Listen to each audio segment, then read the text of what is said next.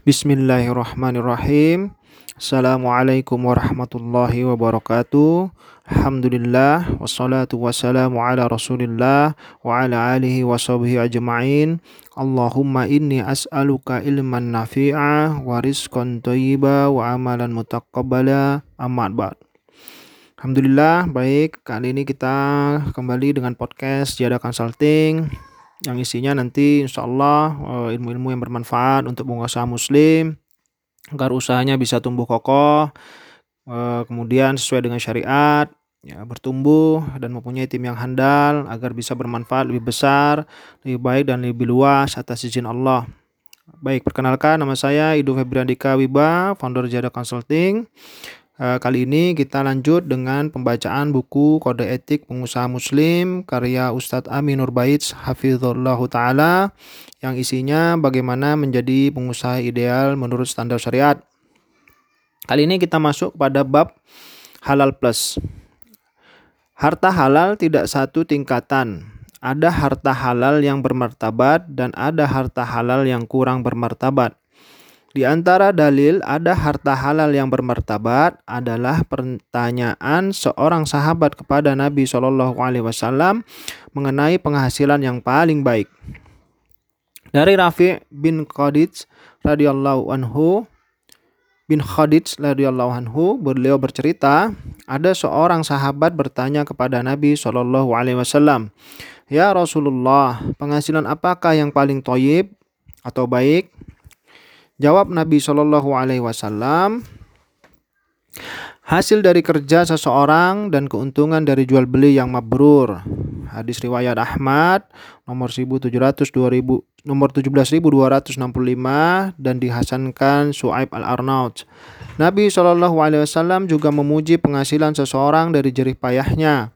Artinya, harta itu didapatkan bukan dari hadiah atau hibah atau warisan atau semacamnya.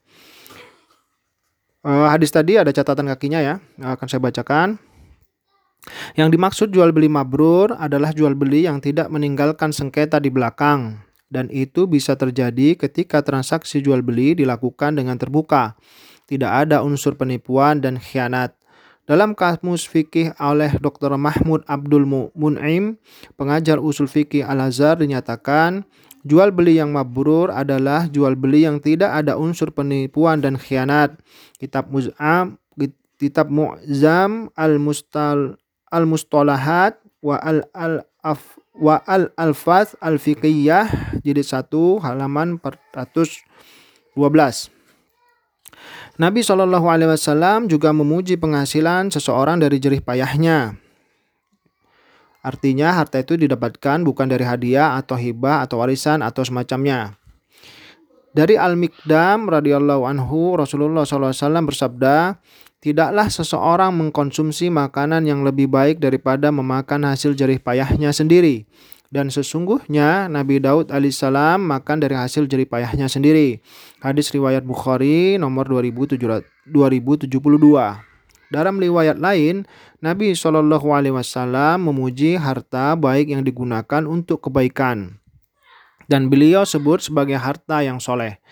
Beliau pernah memberikan jatah wanimah rampasan perang kepada sahabat Amr bin As radhiyallahu anhu, namun sahabat Amr menolaknya karena merasa beliau sudah berkecukupan.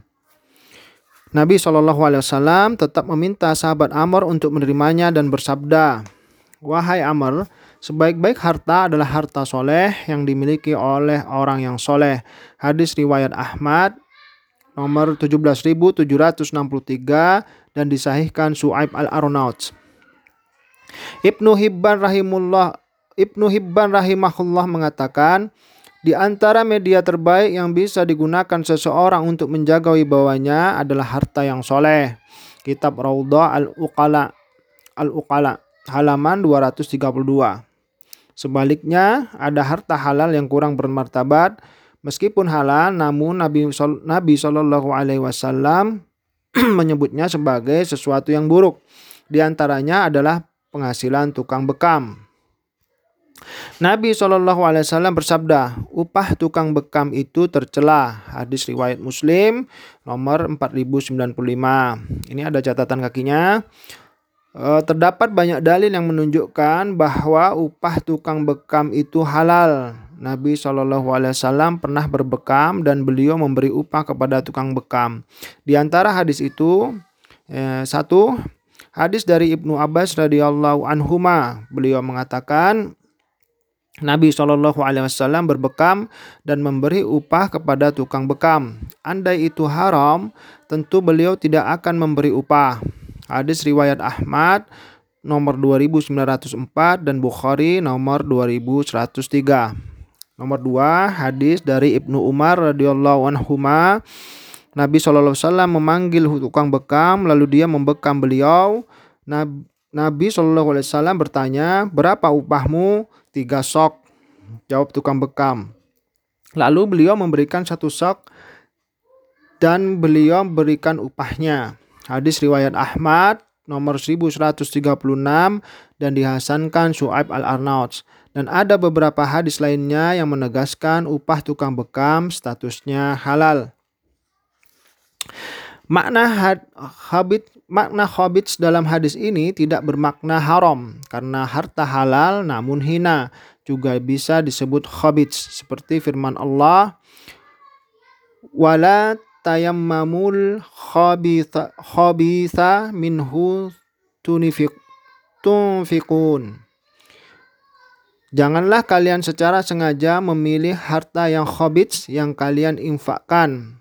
Quran Surat Al-Baqarah ayat 267 Upah tukang bekam disebut khabits bukan karena statusnya yang haram, tapi karena harta ini dianggap tidak terpuji dan tidak bermartabat, sehingga makruh untuk dicari.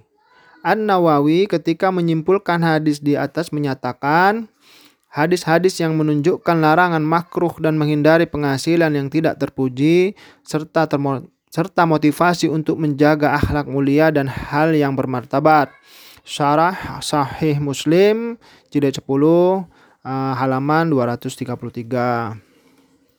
Baik, uh, maka kita bisa simpulkan uh, dari buku yang telah kita bacakan tadi bahwa harta halal itu ada beberapa tingkatan, yaitu ada harta halal yang bermartabat dan ada harta halal yang kurang bermartabat. Maka uh, bisa kita uh, amati hadisnya bahwa hmm, harta yang, uh, yang baik dan bermartabat adalah uh, dari harta yang dap kita dapatkan dari hasil jerih payah kita sendiri dan bukan dari penghasilan kita berbekam. Uh, baik, kita cukupkan dulu untuk kali ini uh, pembacaan buku uh, Kode Etik Pengusaha Muslim karya Ustaz Amin Nurbait Hafizullah Ta'ala. Uh, selanjutnya Eh, tetap di bab yang sama ada subbab nanti untuk bekerja untuk status sosial. Semoga bermanfaat dan bisa menjadi bekal kita semua untuk menjadi seorang pengusaha yang ideal menurut standar syariat.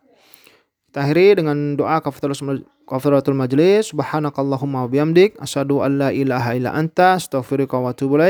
Assalamualaikum warahmatullahi wabarakatuh.